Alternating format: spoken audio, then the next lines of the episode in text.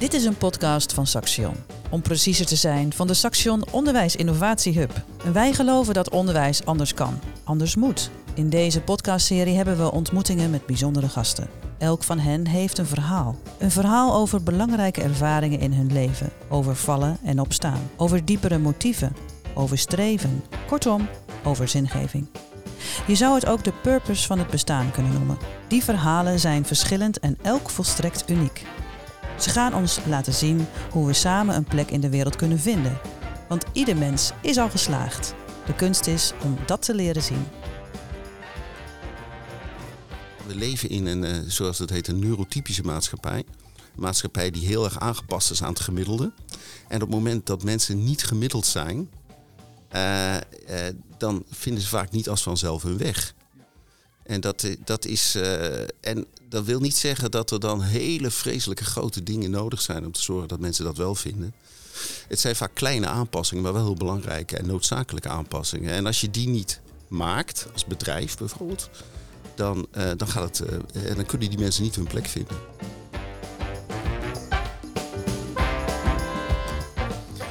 Goedendag, welkom bij een nieuwe aflevering van deze podcast over onderwijs. In deze podcast spreken we met mensen over hun verhaal, over hoe ze geworden zijn, wie ze zijn en over de ambities die ze hebben voor zichzelf en voor de wereld waarin zij leven. We hebben het over de ervaringen die hen hebben gevormd en over de rol van onderwijs daarin. Hoe leren zij en hoe leren zij het beste? Wat heeft hen geholpen in de keuze die ze maakten en wat niet? Misschien vallen er lessen te trekken voor het onderwijs uit al deze verhalen. In elk geval is elk afzonderlijk verhaal interessant genoeg om even voor te gaan zitten. Marcel Hurkens, welkom Marcel. Dankjewel. Uh, fijn dat je er bent. Uh, jij bent uh, GZ-psycholoog. je hebt een achtergrond in ja, het begeleiden van mensen met misschien wat afstand tot de arbeidsmarkt naar, naar ja, zinvol werk. dat moet je zomaar toelichten. Je hebt daar ook een eigen bedrijf in gehad. Mm -hmm. en um, op dit moment hou je ook bezig met wat jij noemt neurodiversiteit. Dus we zijn heel benieuwd naar ja, jouw uh, uitleg en jouw verhaal over die achtergrond. Kun je eens beginnen met de vraag, of een antwoord op de vraag, waar kom jij nu nog steeds jouw bed vooruit? Ja, waar kom ik mijn bed vooruit? Ik denk voor leuke dingen. Dat is eigenlijk dat is eigenlijk altijd mijn uh, achtergrond geweest met alles wat ik gedaan heb. Ik doe alleen maar wat ik leuk vind. En uh, dat is nog steeds, ja, dat is eigenlijk nog steeds zo. En dat, dat ik denk dat dat mijn, de beste leidraad is voor mij. Brengt dat dan ook met zich mee dat je soms stopt met wat je deed om iets anders te gaan doen? Ja, ja, ja, ja. Ja, dus ik zeg, ik doe alleen maar wat ik leuk vind. Maar dan kom je natuurlijk op een gegeven moment ook tegen ja, dat je ja. iets niet meer, wat je aanvankelijk wel leuk vond, hè, dat je dat uiteindelijk niet meer leuk vindt. En uh, ja, dan moet je, dan moet je je consequenties nemen. Hè? Dus dat, dat, en dat heb ik altijd wel gedaan. En wat is leuk? Dat, ja, ik, de, ik werk graag met andere mensen samen, met, met, met mensen samen. En ik werk graag met mensen samen die heel verschillend zijn. Uh, dat is eigenlijk wat ik het leukste vind. Dat ik uh, verrast word door hoe mensen kunnen mm -hmm. denken. Denk, hé, hey, hey, dat heb ik zelf nog, daar heb ik zelf nog nooit over nagedacht. Dat soort uh, dat zoek ik eigenlijk altijd wel op. Hè? Een, een, een, andere omgeving dan uh, uh, een omgeving waarin, waarin ik min of meer kopieën van mezelf tegenkom. Ja. Dus dat, en je, hebt, dus je bent opgeleid als orthopedagoog, begrijp ik. Je bent ja. GZ-psycholoog um, geworden. Ja. Um, in de zorg gewerkt. Maar ook dat eigen bedrijf in de ICT, waarin je mensen... Ik geloof dat het mensen zijn Um, op het spectrum van autisme. Die heb je begeleid naar, de, naar zinvol werk, klopt dat? Ja, dat was eigenlijk ook toeval hoor. Want ik, uh, ik werkte in de zorg en ik had, uh, ja, waar veel mensen nu last van hebben in de zorg, hè, die eindeloze protocolisering en het feit dat je als individu. Ja, ik voelde me steeds meer radartje worden in het geheel. En ook in het geheel waar ik niet zoveel boodschap meer aan had.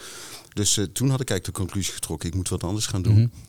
Um, en toen ben ik met een collega een, eh, een, een, bedrijfje begonnen in het maken van eenvoudige informatie voor laaggeletterden. Um, kwam eigenlijk ook voort uit, uh, uit, uit ons oude werk. En alles wat we deden, deden we op papier in die tijd. Dat was net na 2000. Zeg maar. Dus de doelgroep waar wij het voor maakten, dat was eigenlijk uh, computers en internet, die waren daar eigenlijk nog niet of nauwelijks aanwezig. Dus alles ging op papier, boekjes, tijdschriften, kieswijzers voor Mhm. verkiezingen, ook provinciale statenverkiezingen, eh, die we maakten in beeld. Hè, dus eh, een soort stripverhalen, zou ik maar zeggen. En later met Kieskompas samen. Ehm, maar eerst alles op, eh, eh, eh, op papier. En toen gingen we richting, eh, toen kwam eh, de computer en internet waren wel, werden wat wijder verbreid onder de doelgroep waar wij de dingen voor maakten. Ja, en toen gingen we natuurlijk over op multimedia, hè, want dan had je bewegend beeld en je had geluid. En uiteindelijk kon je ook nog een beetje op maat maken van, eh, van degene die achter de computer zat. Eh, dus toen werden we als vanzelf een, een ICT-bedrijfje. En toen was ik op zoek naar mensen. En die waren toen ook al moeilijk te krijgen. En bovendien eh, veel te duur voor wat wij op dat moment konden betalen. En toen dacht ik, hé, hey, wacht, ik ken wel een aantal mensen uit de, hè, waar ik eerder eh, mee te maken had gehad. Jongens die informatica, hè, vooral jongens natuurlijk, die informatica studeerden en ergens gestrand waren in hun opleiding. Of aan het eind van de opleiding niet aan het werk kwamen. Dus toen heb ik twee van de jongens gevraagd van, goh, zouden jullie niet bij mij willen komen werken en on the job verder opgeleid worden tot eh, programmeur? Nou, die twee voelden er wel van voor en dat praatte zich door. En uiteindelijk hadden we 15 mensen met autisme in loondienst. Dus toen had ik als vanzelf een beetje mijn oude werk en mijn nieuwe werk gecombineerd. Was nooit de bedoeling toen begonnen, want toen kon ik ook helemaal niet voorzien dat we een ICT-bedrijfje zouden worden. Maar eh, go with the flow. Hè. En dan, eh, de- dus als ik het goed begrijp, ehm jij was GZ-psycholoog en jij wilde in een IT-bedrijf beginnen en bent toen toevallig terechtgekomen bij mensen die je al kende. eh, Ja, ik wilde geen IT-bedrijf beginnen. Ik had eigenlijk van in, in mijn oude werk, eh, eh, ik werkte in de, op dat moment in de gehandicaptenzorg. En ehm, dat was toen heel erg eh, hot, zeg maar, dat mensen veel meer betrokken moesten worden bij de plannen die voor hen en met hen gemaakt werden. Maar ik vond het een beetje een farce, want er werd heel erg over de hoofd van mensen heen gepraat. ja, Eh, mensen snapten vaak, eh, er zaten allemaal mensen rondom tafel over van alles te praten. En de mensen zaten er braaf bij, maar sna- snapten vaak helemaal niet waar het over ging. En de plannen die op papier stonden, konden ze vaak zelf niet lezen. Dus ja, wat ben je dan aan het doen? ja. En toen dachten we, nee, dat gaan we anders doen. We, gaan, we gaan die plannen in beeld maken. En we gaan het samen met mensen doen, dat beeld maken. En eh, hè, dus eh, dat moest alles gevisualiseerd worden. En van het een kwam het ander. Dus, maar het was eigenlijk dat maken van, inva- van informatie eh, voor lage letter. Daar begon het mee. En de ICT kwam pas later. Ja, maar Dat eh, even, even dat moment dat je zegt, er werd over mensen heen gepraat. Dat vind ik even interessant om dat, om dat uit te diepen. Daar hoor ik een soort van irritatie, een soort van, dat, dat was niet oké. Nee, dat was niet oké. want dat is natuurlijk de, de, de, eh, eh, de, de missie en visie van elke zorgorganisatie was, dan, was eigen regie. Hè? Dat stond bovenaan. Ja, Maar ik zag er weinig van terug. ja. Dus ik Ja, dacht, nou, daar begint het mee. Hè? Het begint in ieder geval met heel eenvoudige dingen. Als je zegt wat belangrijk is in jouw leven, hè? eh, dat is het uitgangspunt. Ja, dan moet, dan, dan moet je daar gewoon helemaal zelf bij betrokken zijn. ja. En moeten anderen niet alleen maar eh, het voor je gaan opschrijven, terwijl je het zelf geen eens kan nalezen wat je dan wat belangrijk voor je En wat gebeurt er dan bij jou als je dat ziet gebeuren en er wordt over mensen heen gepraat? Ja, dan word ik geïrriteerd. Ja, Ja, dat hoor ik ook een beetje. ja, ja, ja, ja. En dan ga je in de actie. Ja, ja, ja, ja. Nou ja, dat is dan denk ik ook wat ik net zei. Dan verlies ik mijn plezier. Ja, dat vind ik niet meer leuk. Ja. vind ik niet meer leuk. Want in, jou, in je positie als GZ-psycholoog in die desbetreffende instelling kon je daar onvoldoende vorm aan geven. Ja, ze accepteerden al wel dat ik een beetje naast mijn functie liep. Ik deed allerlei dingen die misschien nog niet zoveel met mijn functie te maken hadden. Maar eh, eh, eh, dat vonden ze nog wel leuk. Maar ja, op een gegeven moment deed ik meer dingen die niks met mijn functie te Ja, maken hadden dan die wel met mijn Je functie moet niet te gek gaan doen, Marcel. Dat is, eh, nee. hadden. Nee. Maar wat doe je naast je functie? Of wat, wat is de kern van wat jij naast je functie ging doen? Of waar kwam dat vandaan? Eh, waar kwam dat vandaan, Ja, je? vroeg je?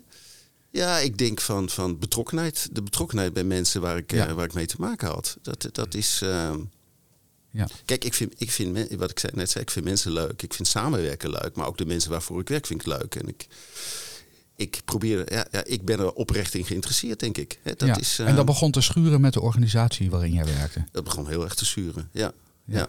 dat is... ehm, En dat heeft te maken met, met wat je zei, protocolisering? Of met... Ja, ja, voor mij wel. Het, het, ik vond dat het werk steeds minder te maken had met mezelf. En meer met wat anderen buiten mijzelf beda- bedacht hadden dat goed zou zijn.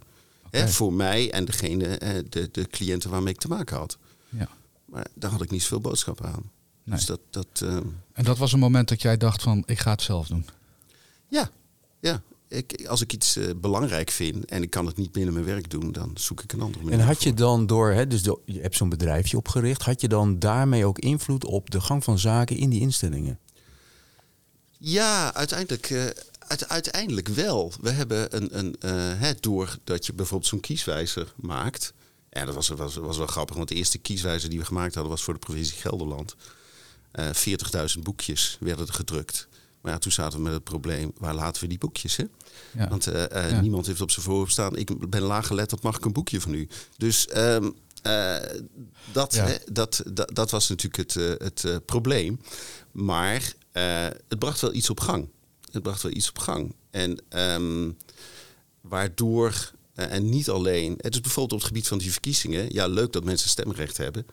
Maar als je, als je geen mogelijkheid hebt je te oriënteren eh, eh, eh, in wat je belangrijk vindt, Nee, precies. ja, dan, dan heb je er niks aan. Hè? Dus dat, dat, en dat is eigenlijk altijd wel. En ik hou gewoon van het praktische. Hè? Dus ik, ik, ik eh, ehm, praktische oplossingen. Dat, dat vind ik leuk om daar in mee te denken en mee te werken. En dan- dan zag ik ehm, dat je je eigen bedrijfje daarin had. Daar ben je op een gegeven moment ook weer mee gestopt. Ja, Hoe- ja.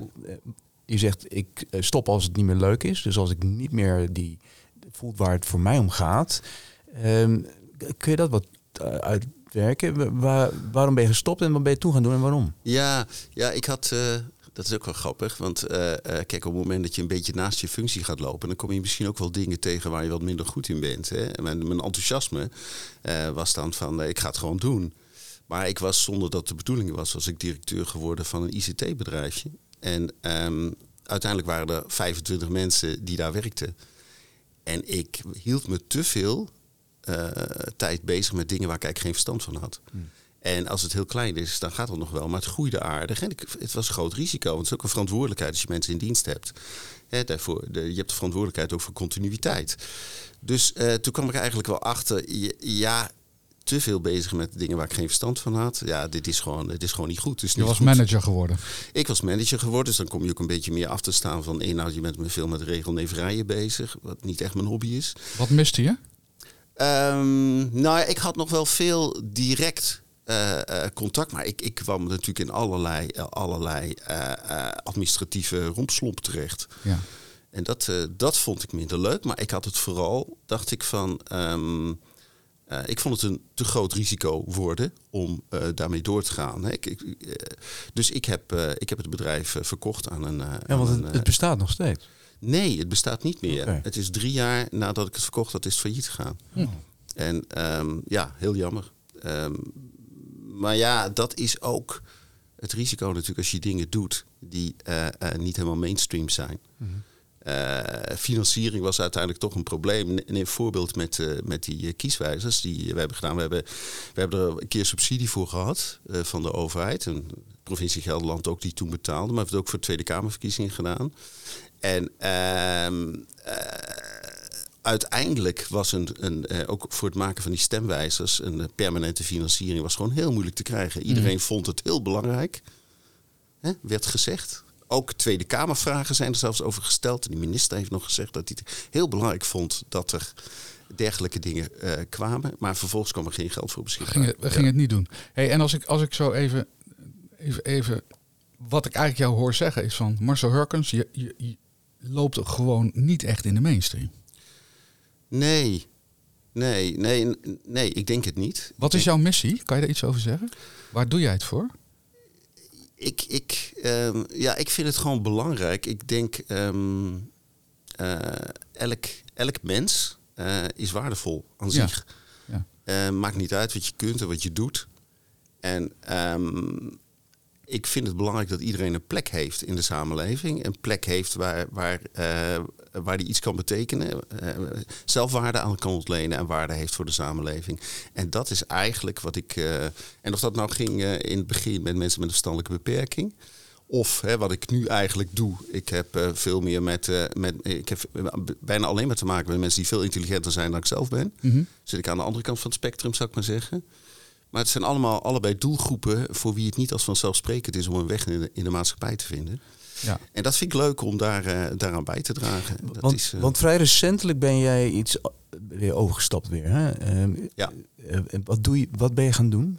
Ja, ik ben, ik ben na dat bedrijf wat ik, uh, wat ik net vertelde, wat ik verkocht heb, ben ik uh, bij ITVT gaan werken. Dat is een uh, opleider voor mensen met autisme in de ICT. En ehm, ik, ik was directeur van de, van de coachingsafdeling. Dus Mhm. alles wat met, met mensen te maken had, dat viel onder mij. En dat is eigenlijk ook toen ik dat bedrijfje verkocht had, dacht ik, ik ga me weer bezighouden met dingen waar ik meer verstand van heb. Uh, dus niet die harde ICT, maar de mensen. Mhm. En dan wel binnen die ICT.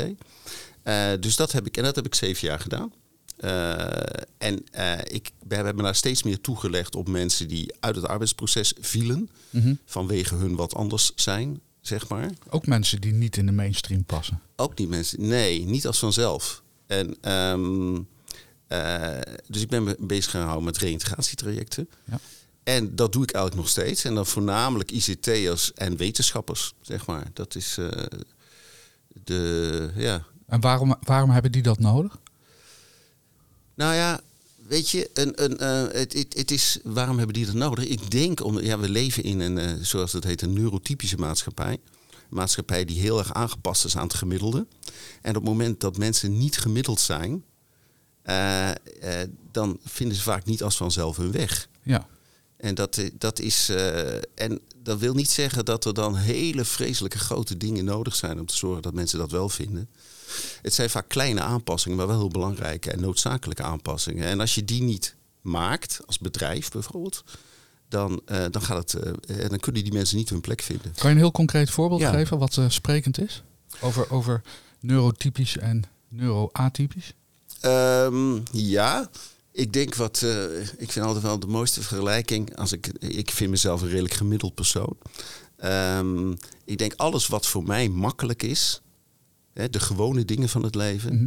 Die zijn uh, voor veel niet-neurotypische mensen heel erg moeilijk. En alles waar ik geen donder van begrijp.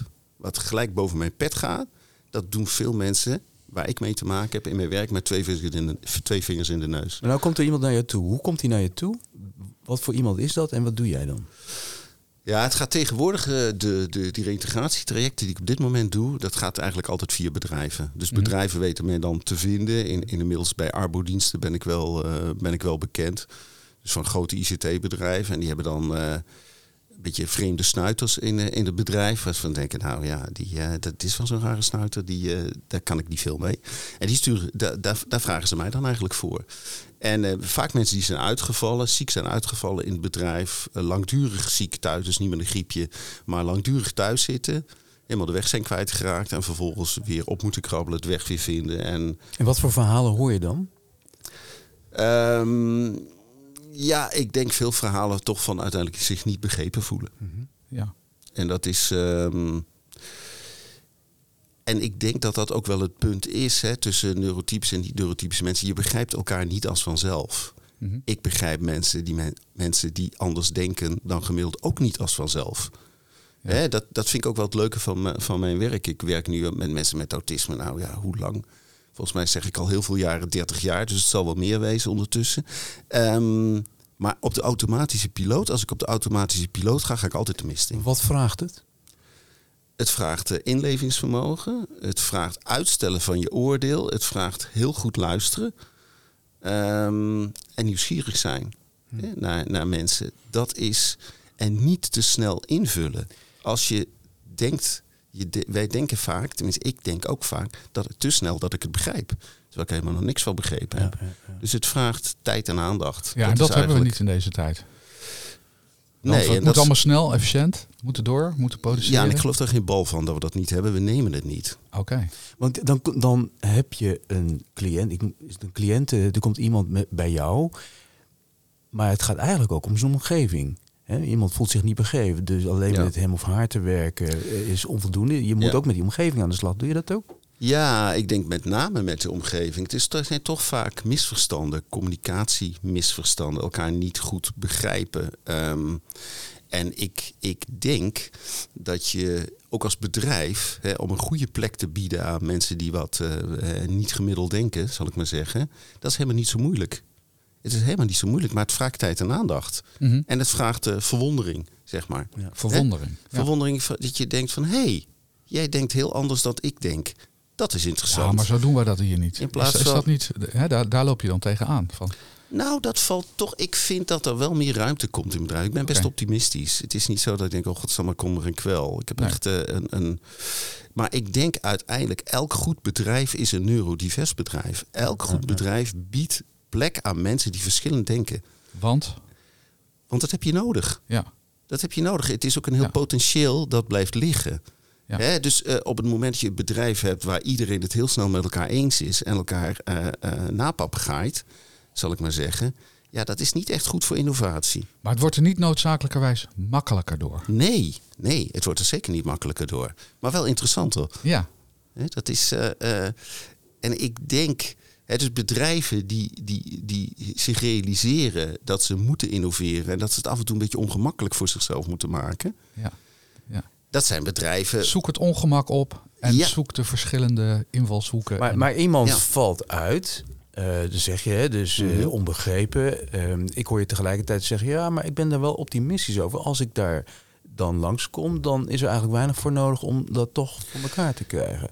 Ja, ik denk, ik, nou ja, ik zie nu steeds meer bedrijven die naar een soort next level gaan. Hè? Dus eerst was het zo, op het moment dat je eh, mensen, neurodiverse mensen, mensen met autisme of ADHD in je bedrijf krijgt, dan ga je heel erg kijken naar het individu.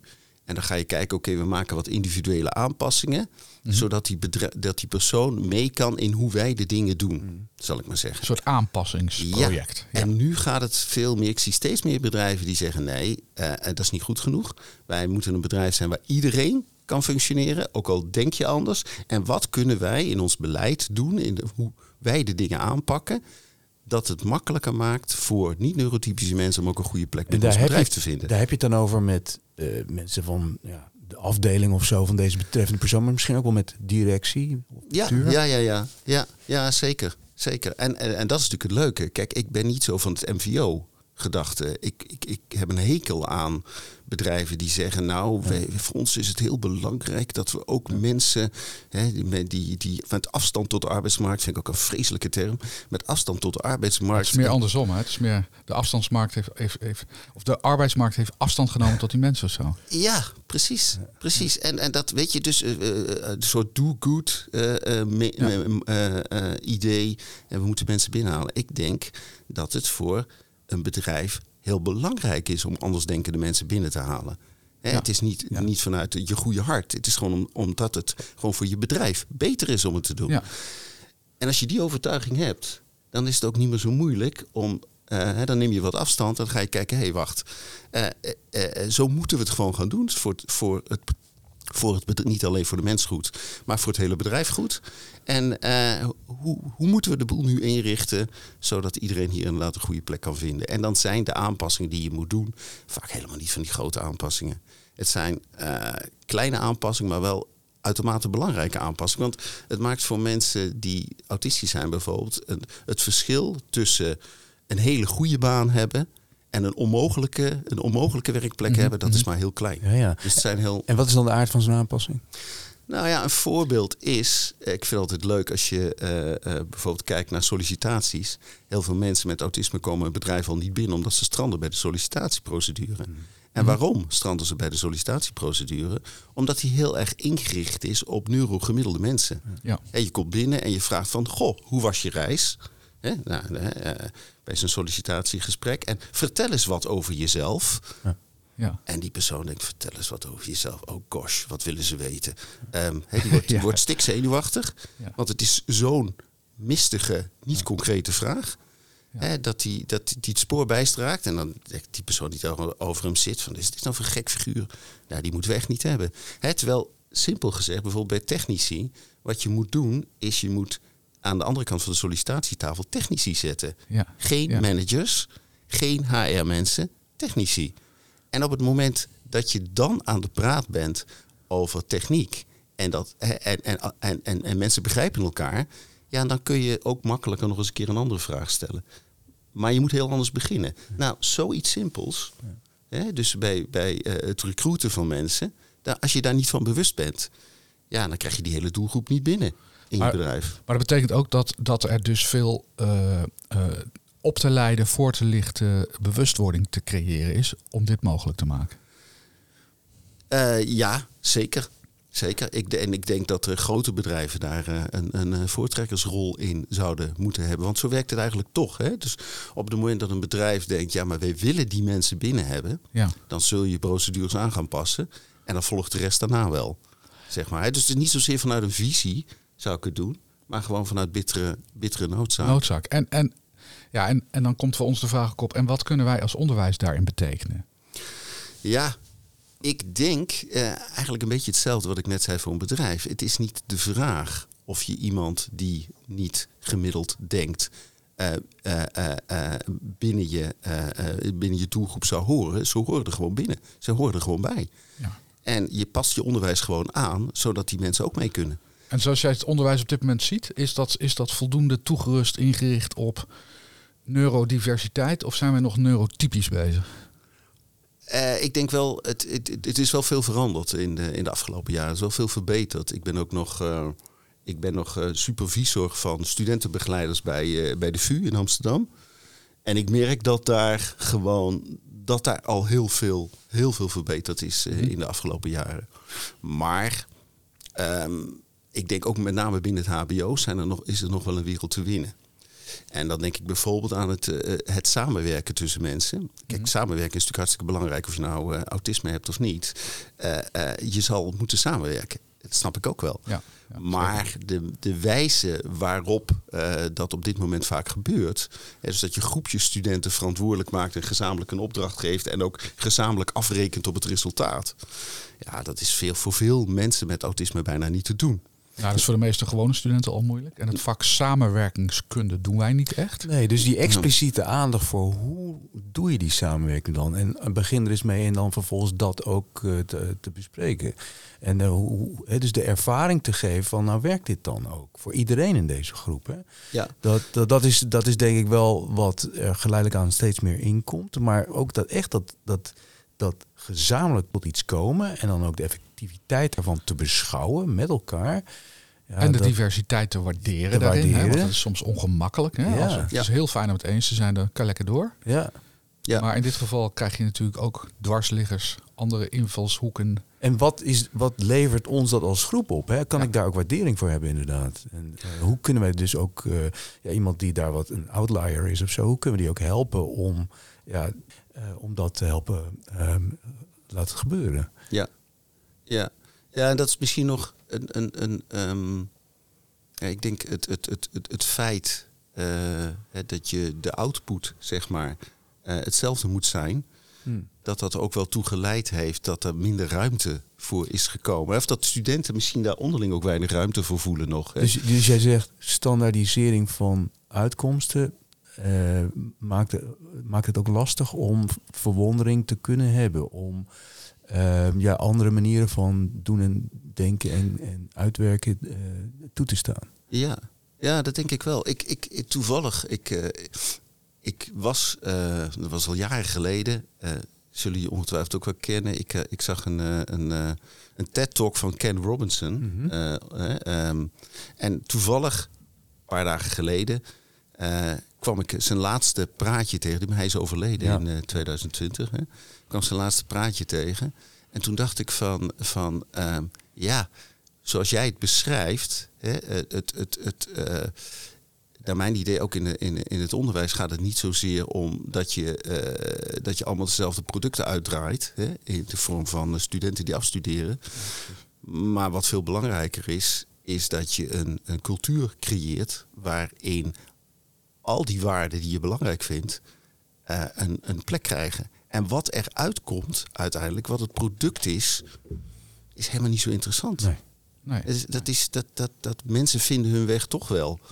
En, ehm, dus ik, en hij maakte, dat vond ik ook wel grappig, hij maakte de vergelijking tussen de landbouw en, en, eh, en, en, en onderwijs.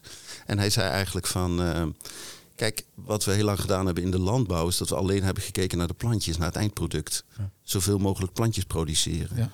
En het, het gevolg daarvan is dat we eigenlijk helemaal niet meer naar de, eh, naar de bodem gekeken hebben. De bodem is het allerbelangrijkste voor de, eh, eh, we moeten het bodem goed verzorgen en niet de plantjes goed verzorgen. Dan zorgen de plantjes wel voor zichzelf, zou ik maar zeggen. En ik denk eigenlijk dat met onderwijs en onderwijsinstituut en studenten precies hetzelfde is. Ja, in, in alle opzichten denk ik deze beeldspraak uitermate ehm, Ja, mooi. actueel. Ja, in alle opzichten. Ja. Wij moeten alweer naar een afronding toe, eh, Marcel. Ja.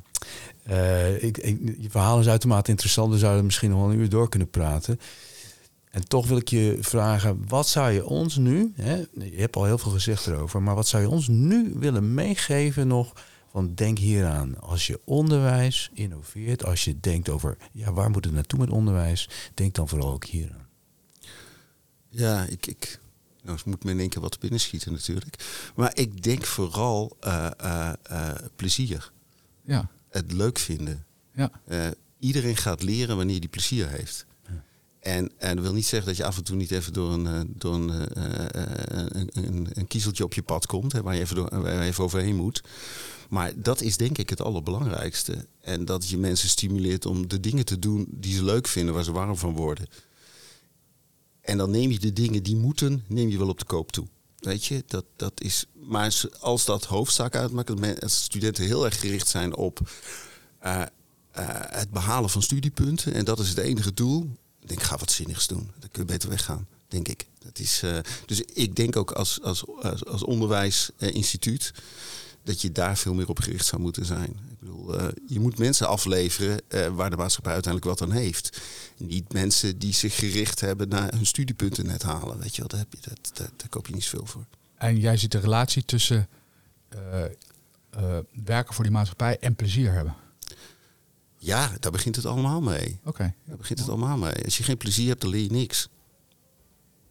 Het lijkt simpel, eh, Marcel, en het is ook simpel, maar er valt nog een hoop te doen, denk ik. We hebben werk. We hebben We hebben werk. Hey, heel fijn dat je met ons wilde spreken. Dankjewel. Eh, dankjewel voor je verhaal. Graag gedaan. En wie weet eh, komen we nog eens eh, bij je terug. Oké, Dankjewel Marcel. helemaal goed. Graag gedaan. Dit was een productie van de Saxion Onderwijs Innovatie Hub. Heb je ideeën of wil je weten wat we allemaal doen? Kijk dan op saxion.nl voor meer informatie.